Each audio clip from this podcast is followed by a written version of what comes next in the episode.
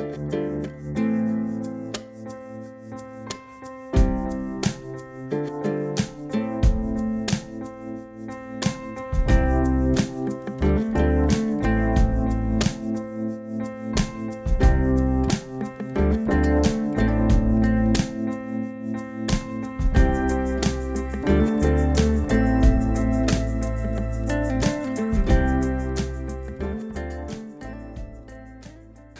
ár eru 80 ár frá Líðveldi stopnun. Líðveldi var stopnað með formlegum hætti á Þingvöllum 17. júni 1944 og má geta þessi framhjálplöpi að það var 22 steg af frost í nótt á Þingvöllum. En þessum tímamótum verður fagnað með ýmsum hætti og meðal annars með samkeppni um lag, um kórlag við ávarp fjallkonnar 2015 eftir Þórarinn Eldjárn.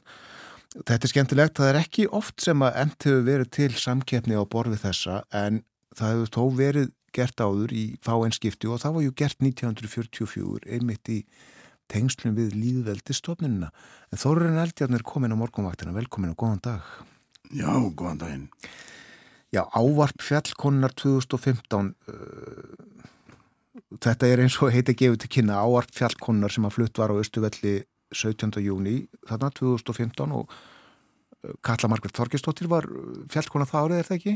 Jú, hún fluttið þetta uh, En það heitir einfallega ávarp fjallkonar 2015 Já, þessi fjallkonu ávarp þau eru nú þetta er svona já, verk sem eru pöntuð hjá, hjá skaldum og um, alltaf nýtt á hverju ári hér áður fyrir þann og stundum.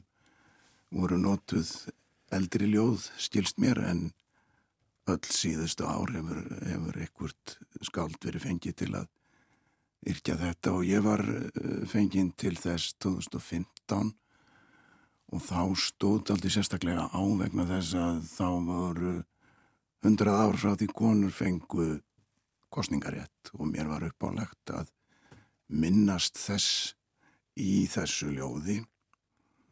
Þannig að, að það var svona skilirði sem fyldi svo núna þegar eh, komist var að þeirri niðurstöðu að einmitt þetta ávarp eh, væri heppilegt til að nota í þessu uh, korsöngs uh, atriði sem að tilstendur að, að vera með í sumar að þá var, var þetta ljóðvalið en eh, ég eh, þurfti aðeins að fella úr því eitt erindi þar sem að eh, sérstaklega er vikið að þessum tímamótum varðandi kostningarétt hvenna af því að það átti ekki beint erindi núna og til stóð að nota bara fyrstu tvö erindin en ég sá að það var, var hægt að nota þriðja erindi með því að breyta aðeins orðalagi byrjun og þetta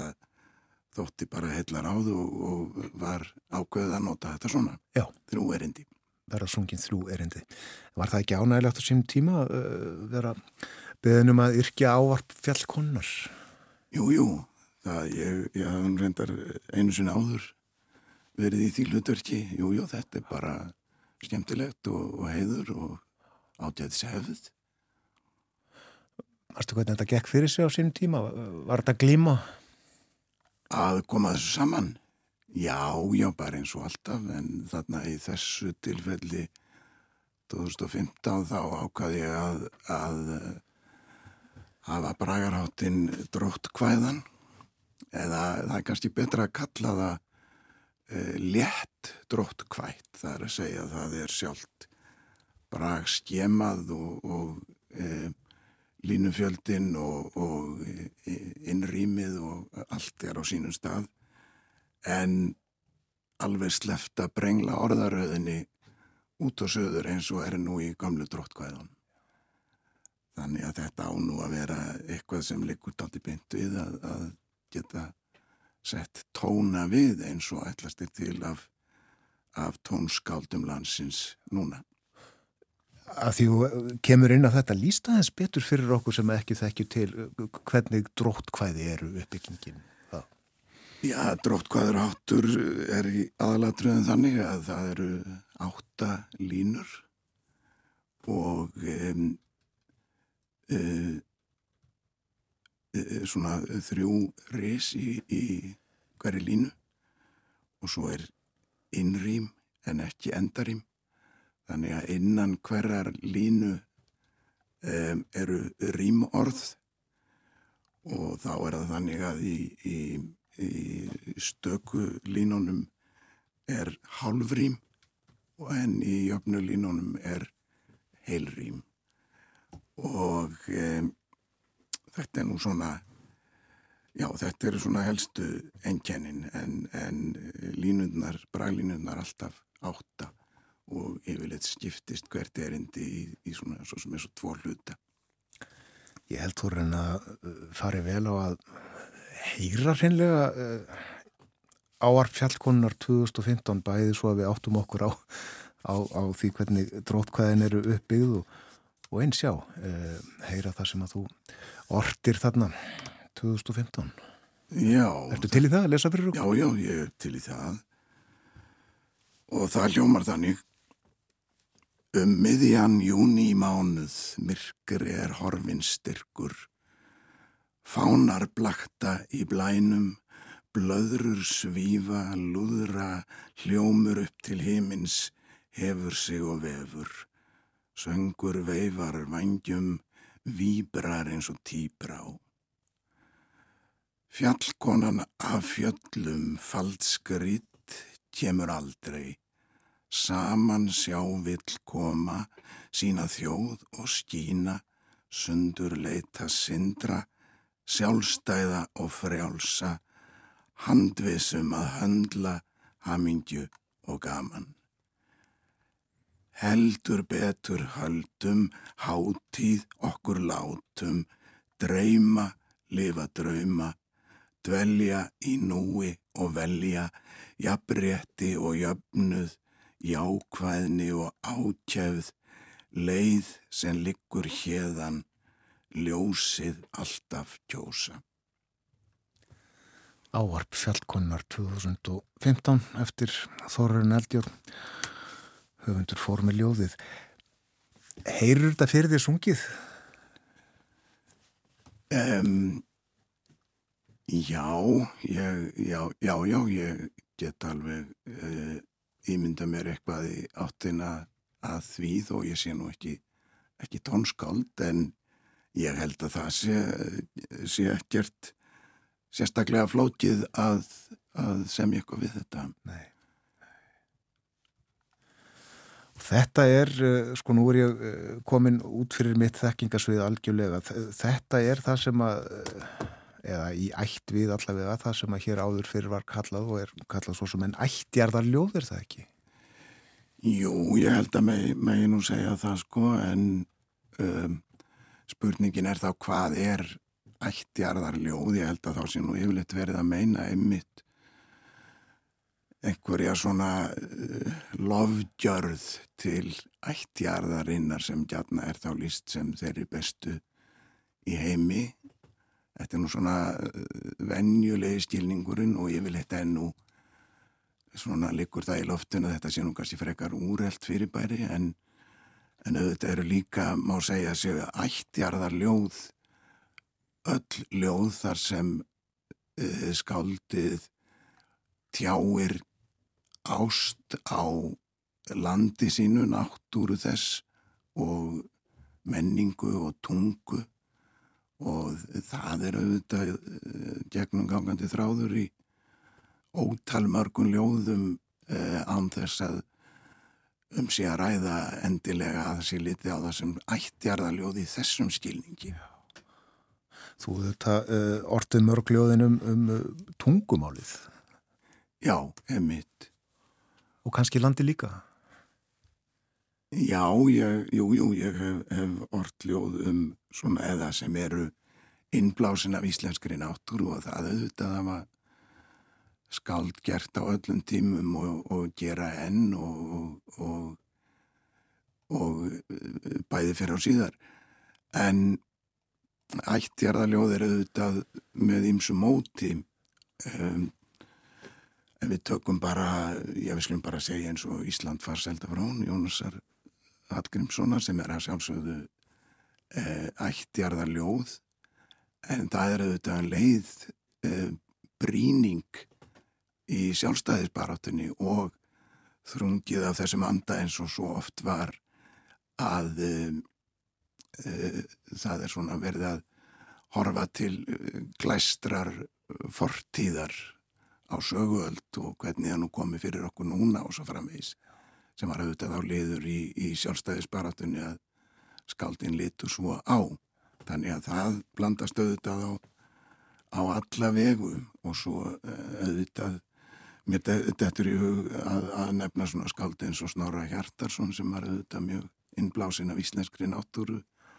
Hann orti náttúrulega líka frekt ljóð sem, sem byrjar land, þjóð og tunga þrenning, sönn og einn þetta er nú oft svona það sem hefur verið viðkvæðið í, í þessum ljóðum. En svo er auðvitað sér kapituli eru auðvitað þessi eh, svo kvöldu hátíðaljóð sem að hafa þá verið orrt eh, í, í samkjæfni eh, til dæmis á alþingistátiðinni 1930 þá voru þrjú skáld sem, sem hlutu um, fyrsta, annað og þriðja sæti fyrir, fyrir uh, hvaðskap sem sendu var inn. Og það voru þá eflitt svona ljóðaflokkar.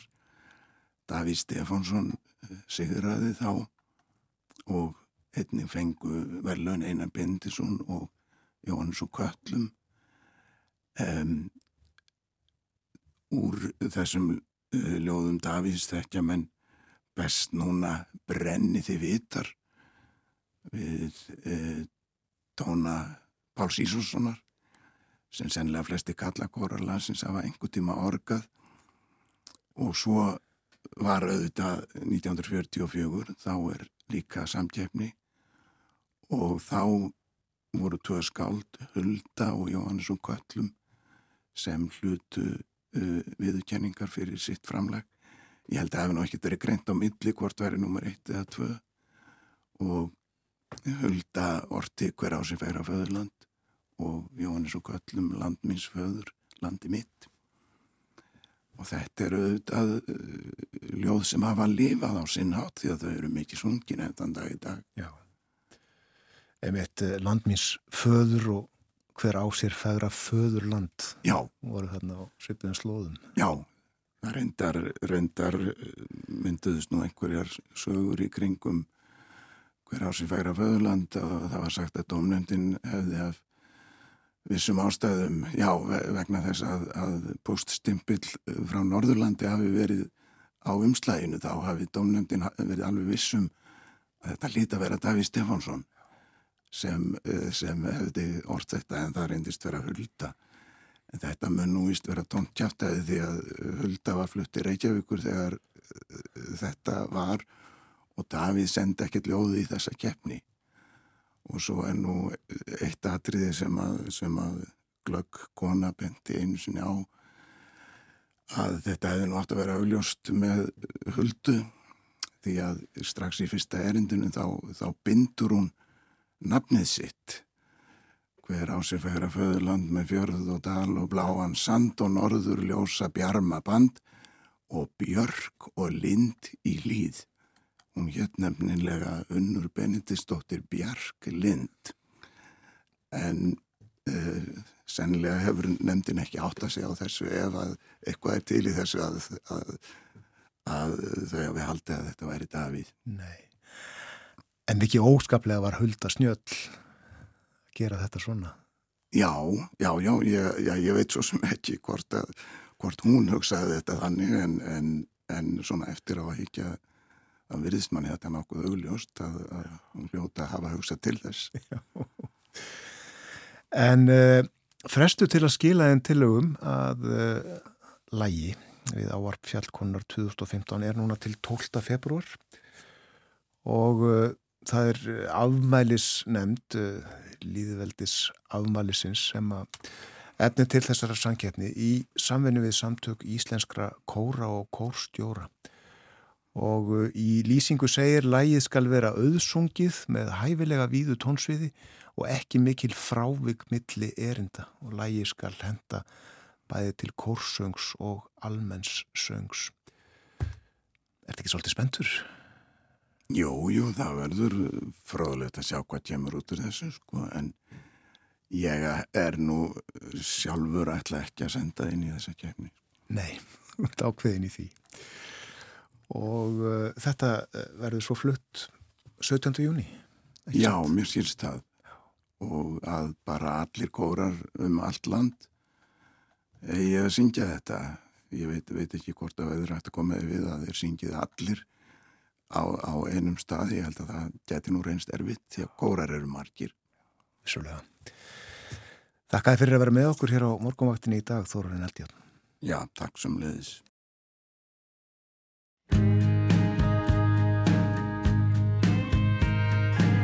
verður kannski aftur